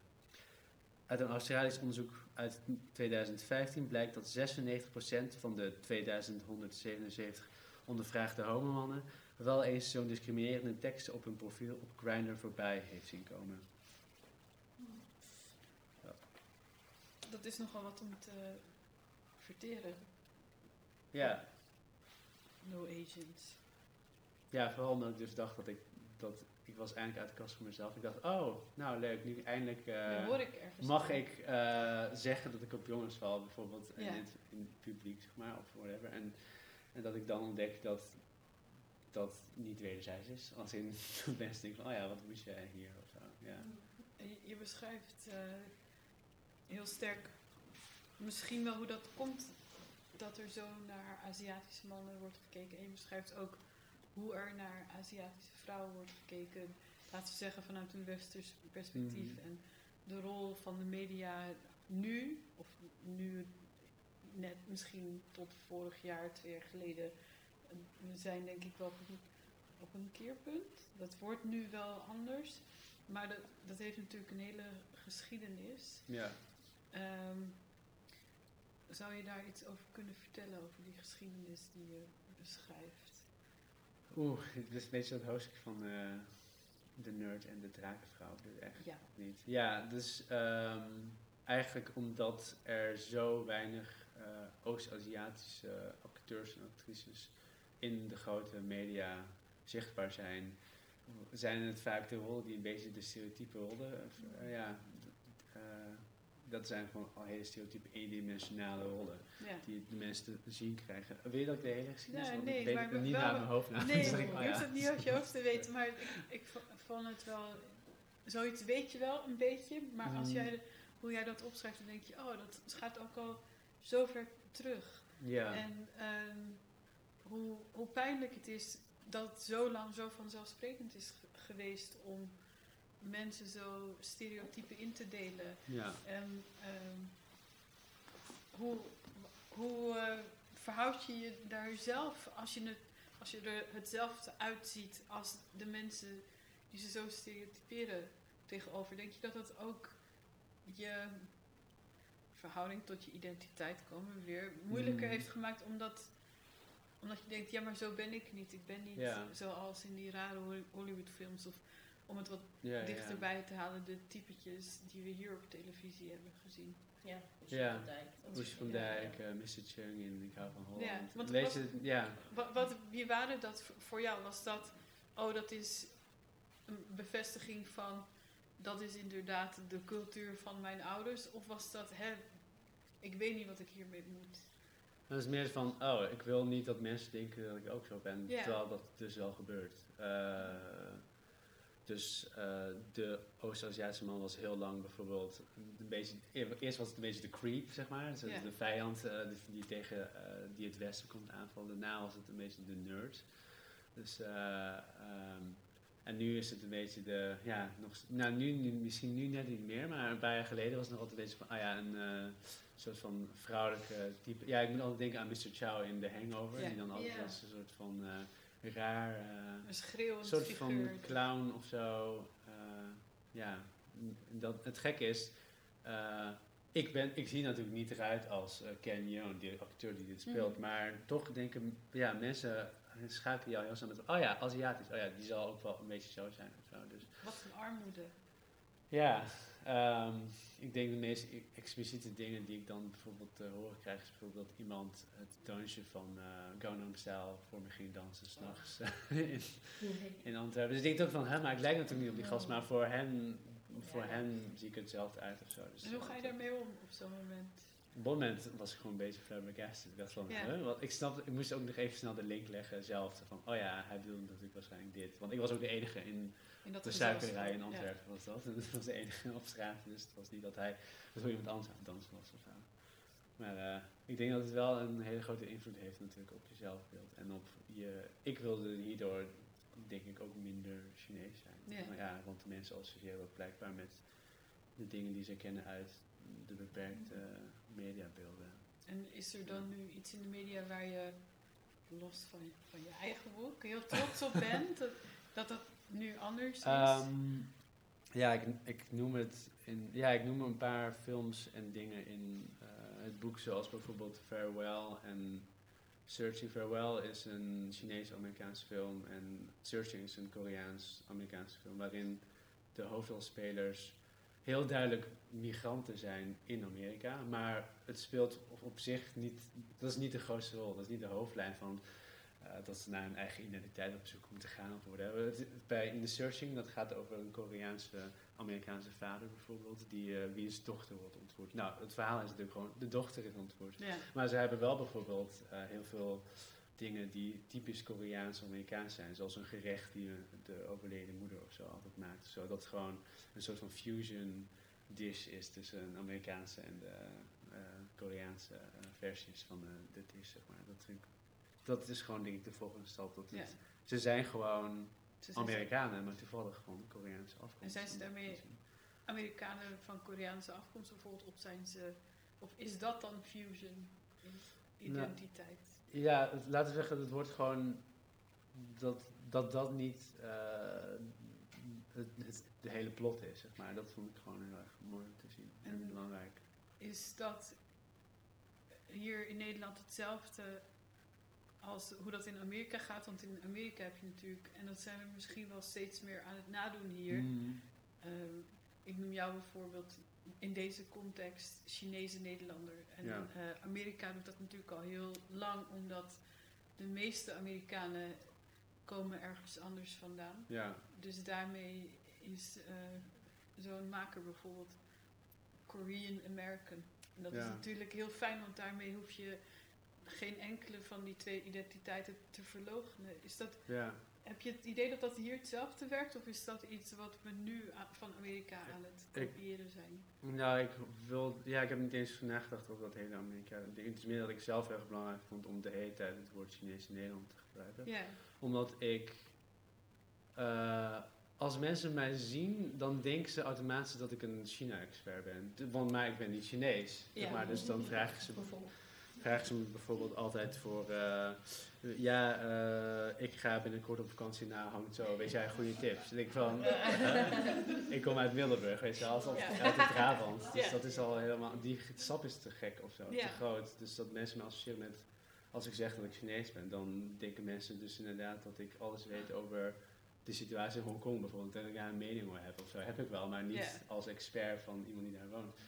Dus, en als ik zeg dat ik Nederlander ben, dan ja, ik wil gewoon. Wat na het schrijven van het boek denk ik ook veel meer van ja, ik ben gewoon Chinees Nederlander. Ja. Het is gewoon wat mij maakt of zo. Het is niet dat ik het een of het ander ben. Ik ben gewoon een hybride eh, vorm.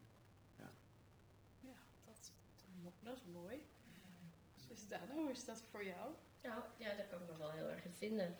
Ehm, ja, ik voel me ook gewoon beide. En, en altijd maar die vraag ook, eh, ja, maar wat meer? Ja, eh, een vader en een moeder heb ik en één komt daar vandaan en één komt hier vandaan en ik kom hier vandaan. Ja, wat, wat wil je dat ik kies eigenlijk? En eigenlijk, eigenlijk is de vraag gewoon stellen, eh, het gaat gewoon om je loyaliteit en om je gewoon makkelijker te kunnen indelen of zo. Of, eh, maar ja, het is een onmogelijke keuze en je bent allebei. Eh, dus ja, eh, ook een hybride. Dat is heel een hele goede eigenlijk. Ja. Een hybride identiteit. ja.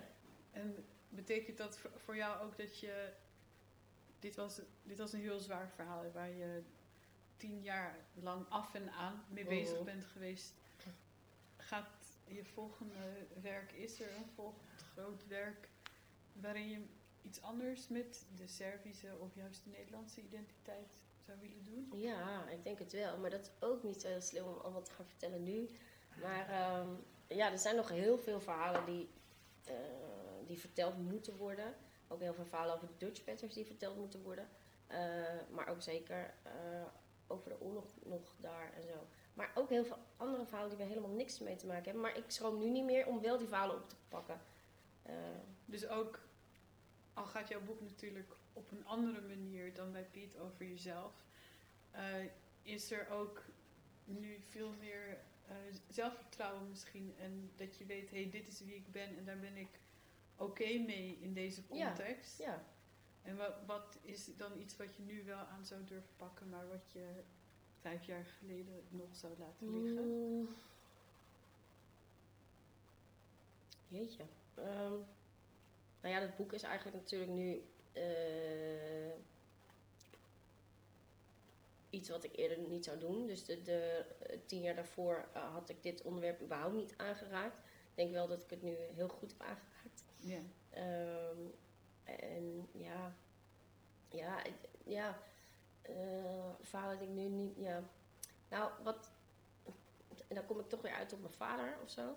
Maar ehm, ik begrijp natuurlijk wel heel goed waar hij vandaan komt, met dat hij het lastig vindt, dit boek. En ehm, wat daar in de regio ook wel eh, zo is, is dat er verhalen van bijvoorbeeld Servische slachtoffers worden niet verteld. Eh, dus dat soort dingen zou ik ook wel willen doen. Eh, want die zijn er natuurlijk ook. En daar zijn ook verhalen onder de tapijt geveegd. En, eh, maar dat is eigenlijk bij alle kanten gebeurd. Ehm, maar, maar dat is ook wel belangrijk. Maar dan zit je weer snel in de hoek van... Ja, maar jij bent zelf... eh, dus dan... Terwijl je denkt, ja nee, het moet Is juist gaan erg? over het, het onrecht wat erachter zit. Maar is dat erg dat je, dat je zelf een Servische achtergrond hebt? Is dat Nee, Mag maar dat zal wel... Moet je Ja. daarom uit de weg gaan wat voor Nee, nee, nee, omdat het gewoon... eh, ik, ik heb een goede vriend, eh, Eldin, en die is eh, ja, Bosnisch, ook journalist. En die Bosnische moslim van afkomst, maar die schrijft dus over... hij zegt altijd ja, over oorlogsmisdaden, ongeacht wie ze wel of niet pleegt. En de ene keer pakt hij dus bijvoorbeeld een pedofiele imam aan... En de andere keer een Kroatische oorlogsmisdadiger. En dan weer iemand die, ik weet niet wat, heeft verdonkerde maand. Eh, waarbij eh Serviërs betrokken zijn of zo. En hij zegt, ja, eigenlijk als je het goed doet, word je door iedereen gehaat. Dan doe je het pas goed. Eh, dat vond ik wel een hele mooie. Dat ik dacht, ja, inderdaad. Ja. Ja. En, en het heeft jou ook wel geholpen, Mhm. je achternaam, om toegang te krijgen tot, tot mensen die misschien voor andere Nederlanders onbereikbaar zouden zijn. Mhm. En ik weet dat, en je hebt ook voor de NOS gewerkt, toch? Dat, dat het daar en in de journalistiek soms lastig wordt gevonden om bijvoorbeeld, als, zeker als het om landen gaat, iemand te sturen of een verhaal te laten doen die nota bene daar connectie mee heeft. Ja, maar dan heb ik een heel makkelijk antwoord. Namelijk, Mark Rutte is Nederlands. Ja, jij bent ook Nederlands. Ja. Nou, nooit meer over Mark Rutte schrijven. Ja, dat slaat natuurlijk als een tang op een varken. Ja. Dat is, eh, dan kunnen we alle krantenredacties, alle tv-redacties, alle online-redacties, gewoon iedereen weg. Want jullie zijn allemaal Nederlands. Doei. Ja, dat, is, dat, dat slaat natuurlijk helemaal nergens op. Eh, en ik- denk zelfs dat het soms een meerwaarde kan hebben. Dat je eh, weet welke gevoeligheden er spelen, welke ongeschreven regels, eh, waar je goed op moet letten. Ik denk juist dat het een meerwaarde kan zijn. En het is, het is heel gek, die manier van denken. Maar goed, ja, we hebben nog een hele lange weg te gaan, denk ik, in de Nederlandse journalistiek qua diversiteit. En eh, eh, ja, het is eigenlijk diep treurig nog steeds. Als je er goed over nadenkt. Piet, jij knikt. Oh, sorry. Nee, ik lachte gewoon. Ik Ja. Ja. Ja. Zou, zou jij ehm, meer over China willen schrijven?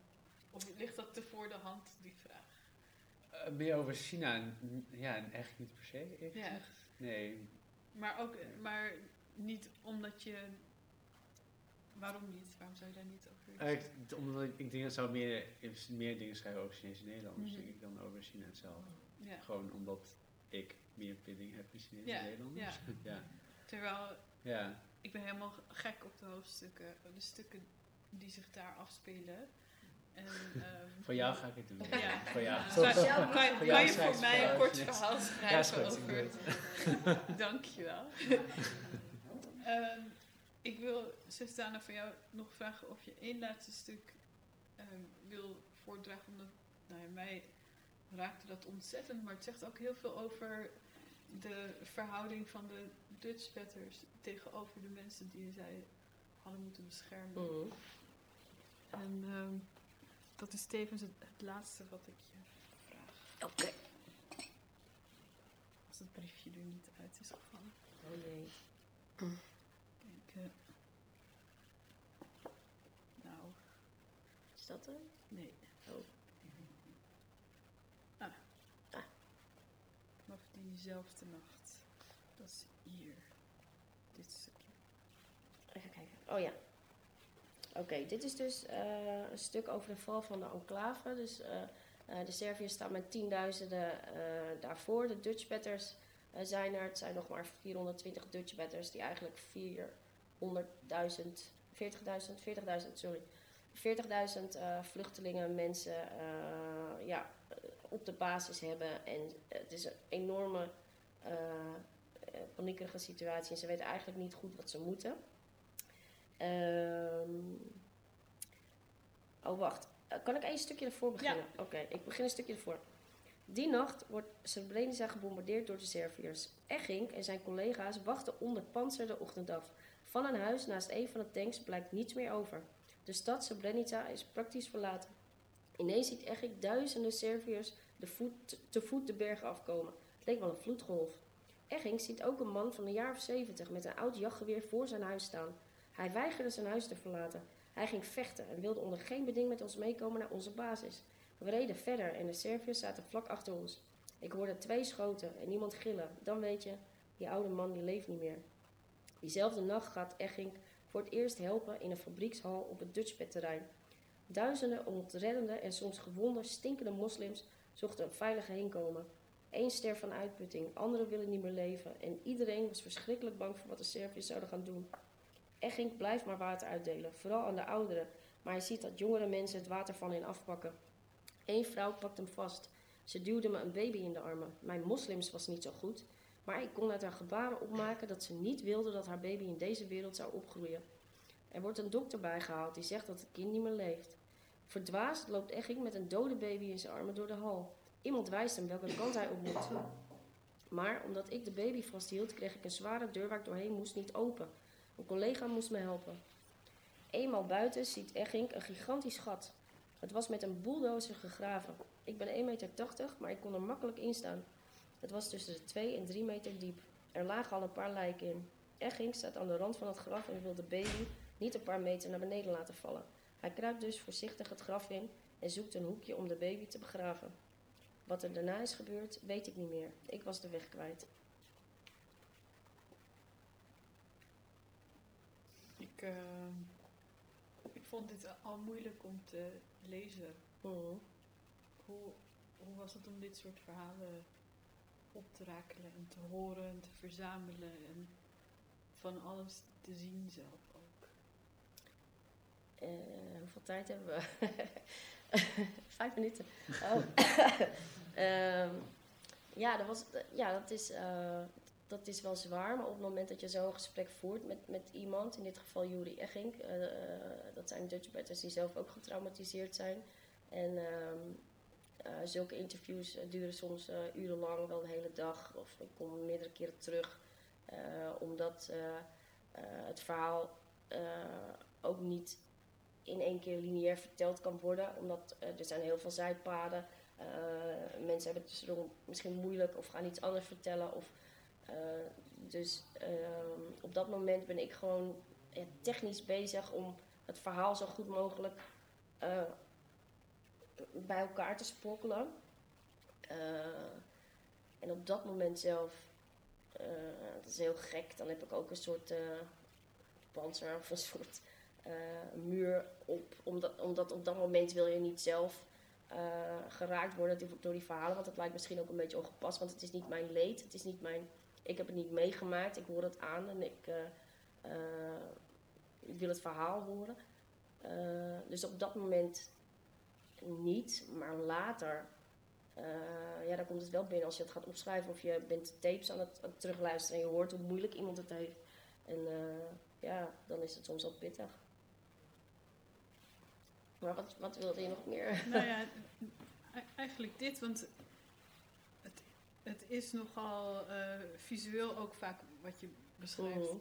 De ooggetuigenverslagen mm. zijn verschrikkelijk. Mm.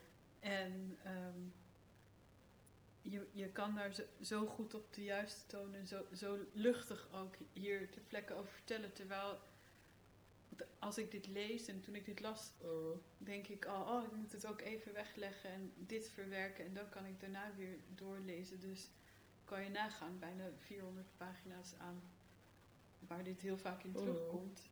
Um, hoe, hoe bepaal je daarin de verhouding tussen dit moet het publiek weten, dit moet de lezer weten. En hoeveel kunnen ze aan om het nog te voelen? Ehm, ja, dat is wikken en wegen, want er zijn, er zijn zoveel heftige verhalen. Uh, het moet niet alleen maar erin staan omdat het heftig is, het moet ook wel uh, ja, nodig zijn om het verhaal te kunnen vertellen. en um, ja, wat je net zei over, ik kan er redelijk luchtig over vertellen. Um, ik ben bijvoorbeeld ook bij dat, dat meisje wat daar begraven is. Die is uh, later gevonden. Die lag in een, in een, nou ja, groot massagraf dat op Dutchbed was gegraven. En ehm, op een gegeven moment was er een groep Dutchbedders die dat graf wilden gaan vinden.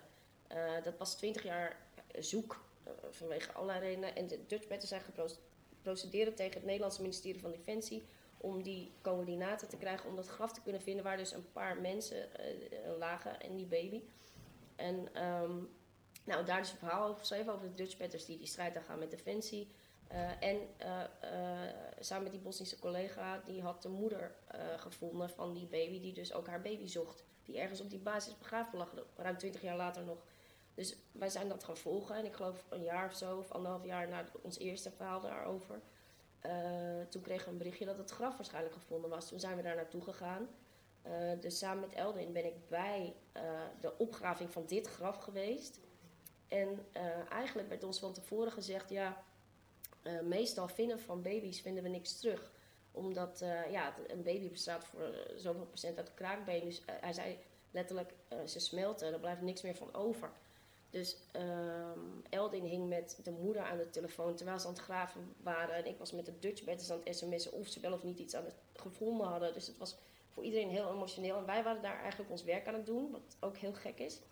En op een gegeven moment, nou, ze zijn dan zo lang aan het graven.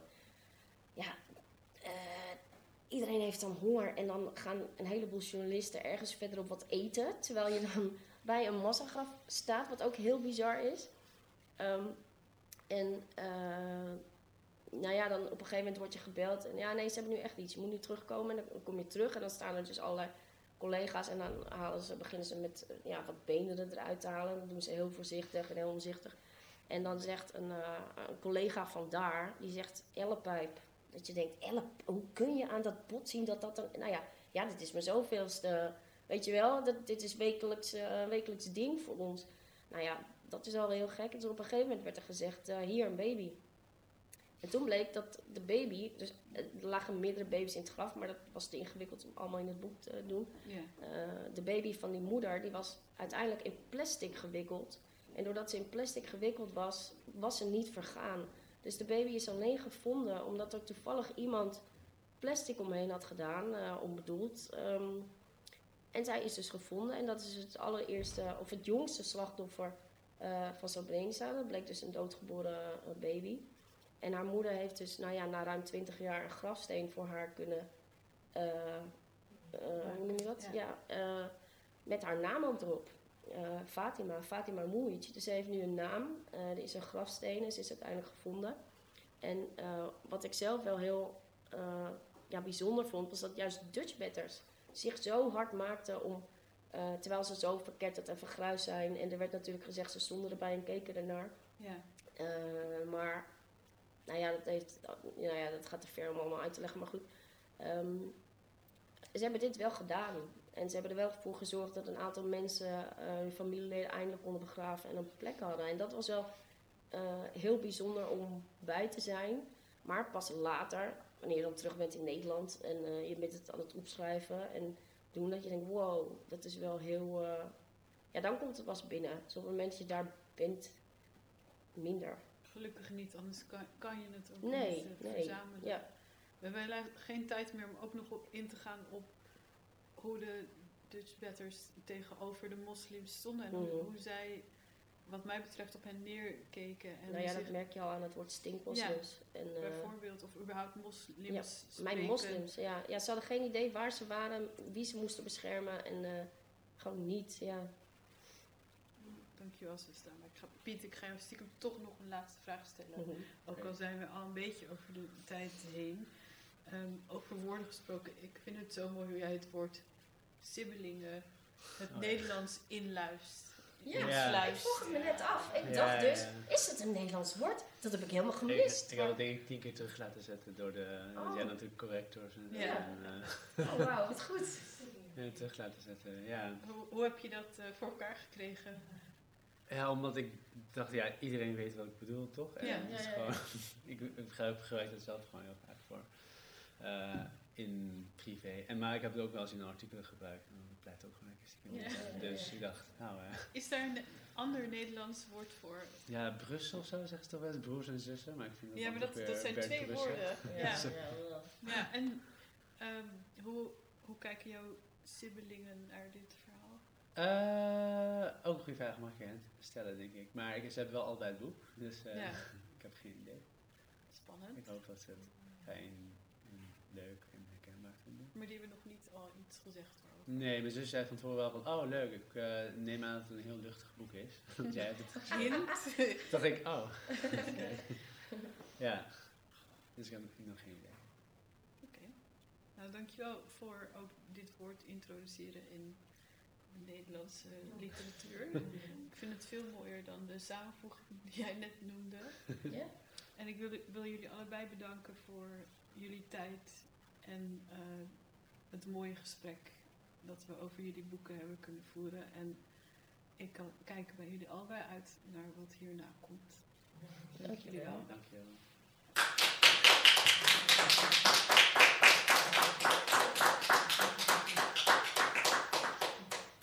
Hoeveel tijd hebben we nog voor vragen?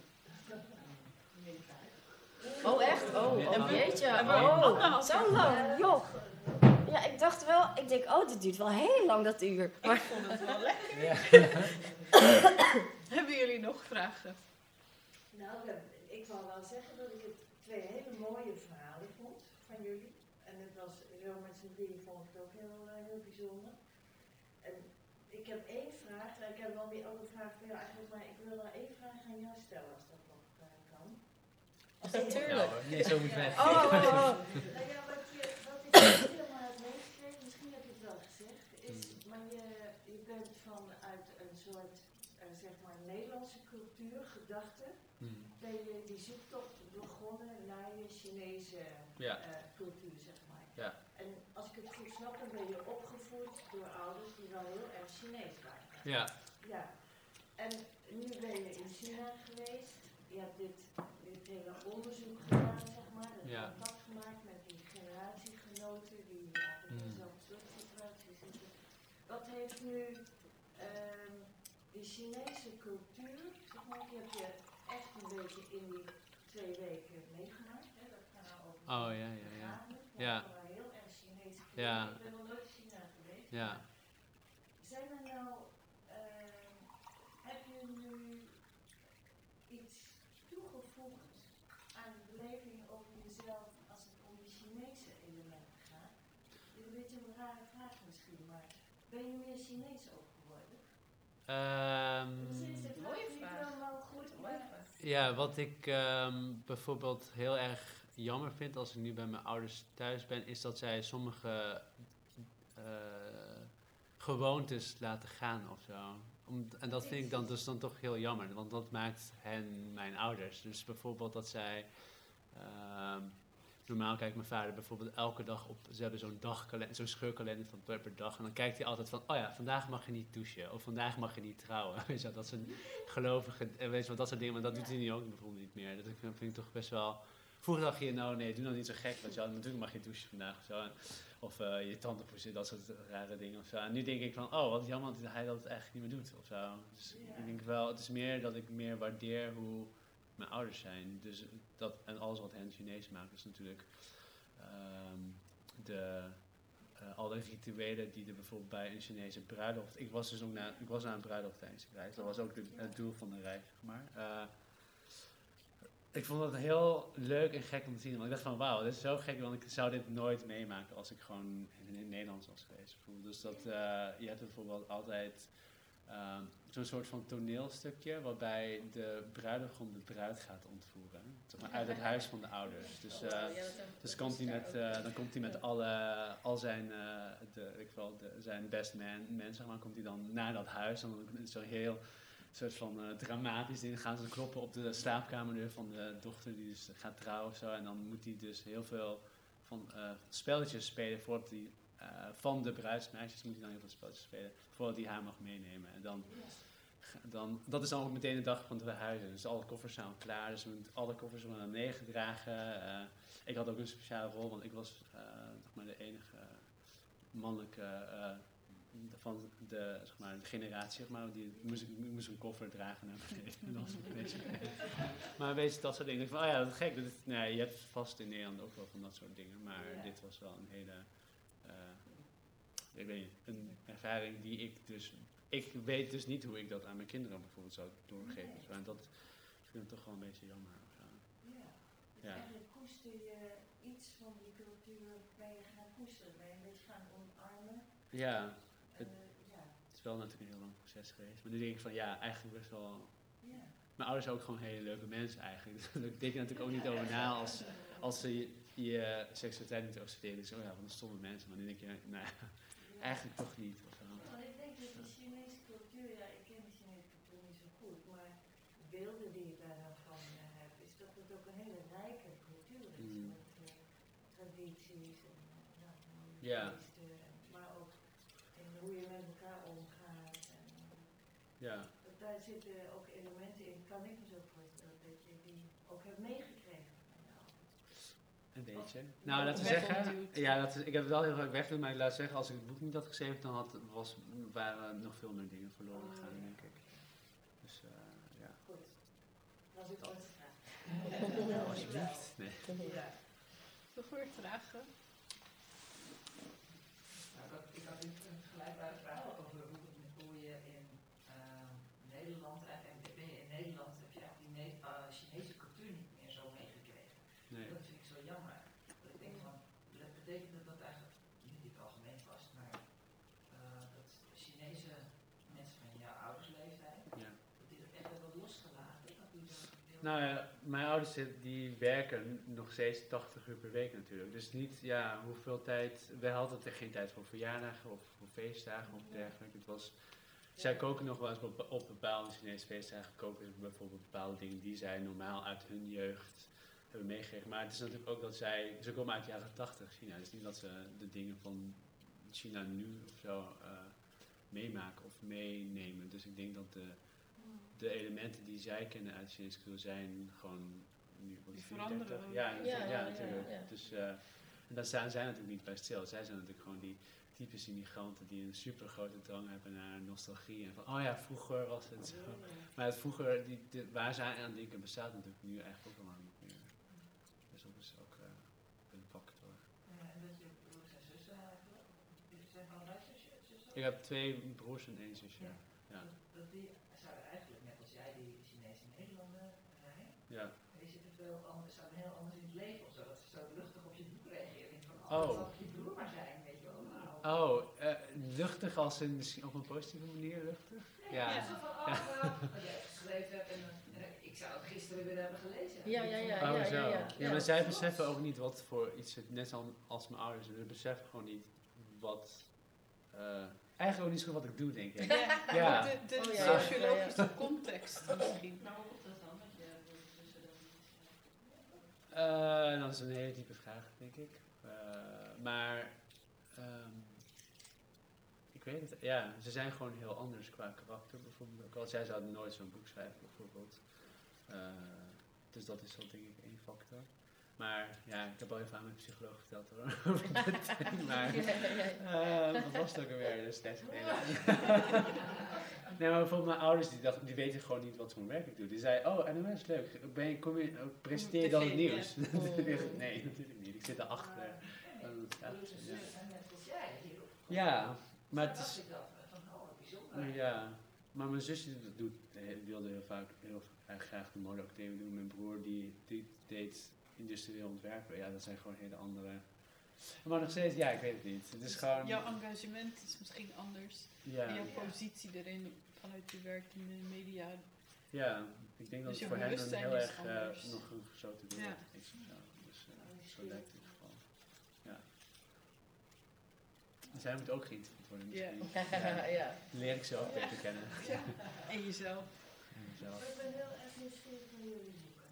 Ik Ja. vind wat jij ook hebt geschreven, zo wat je erover vertelt, lijkt mij wel een Ja, hele je kunt zoveel niet vertellen. Dat je Ja. denkt, ja, maar dit nog en dat nog en dat Ja. nog. Ja. Ja, Maar dat kan ja, allemaal ja, niet. Ja. Ja, ja, ja. Ik wil het heel graag lezen. Ze zijn hier op de Oh ja, gang ze staan te koop. ook Ja, ja, ja. ja. Oh, eens. En hebt mij inderdaad wel nieuwsgierig gemaakt. Oh, nou leuk, Ja, mooi. Ik, had al Mooi. een interview denk ik gezien. Ik weet niet wat ik, ik heb gelezen. Boeken of Paul? Ja. Oh, en die komt en ga ik het nog combineren dit weekend. Oh, nou lukt het. Ja, ja, ja. Jij bent Ja. voor mij de verrassing. Ja, ja, ja, oh ja. Ik ben de bonus. En, Ja, nieuwsgierig Ja. Nou, leuk, Ik ja. had ik moet toch weer even weten hoe het nou precies was. Dat dat- Ja, ja, ja, ja, Heel ja, erg ja. van, eh, wat was er nou Ja. Nou, dat leg ik heel beknopt Ja, dat uit. allemaal Dat zei de uitgever ook. Ja, dat moet niet te ingewikkeld. Gewoon Nee. één, één alineaatje de oorlog. Ik zei, oh, één alinea? Dat kan toch niet? Nee, één alinea. Ik zei, oh. Nou ja, het is gelukt. Maar, eh, maar ja. Ja, het is bijna bizar. Ja, Dank jullie wel, publiek. ja hartstikke bedankt. Dit was hem. Ja. Mooi. Heel goed. Zo. Oh, en kunnen jullie dat hoesten eruit knippen of niet? Ja, sorry, het is echt, het is vreselijk. Ik hoest dus...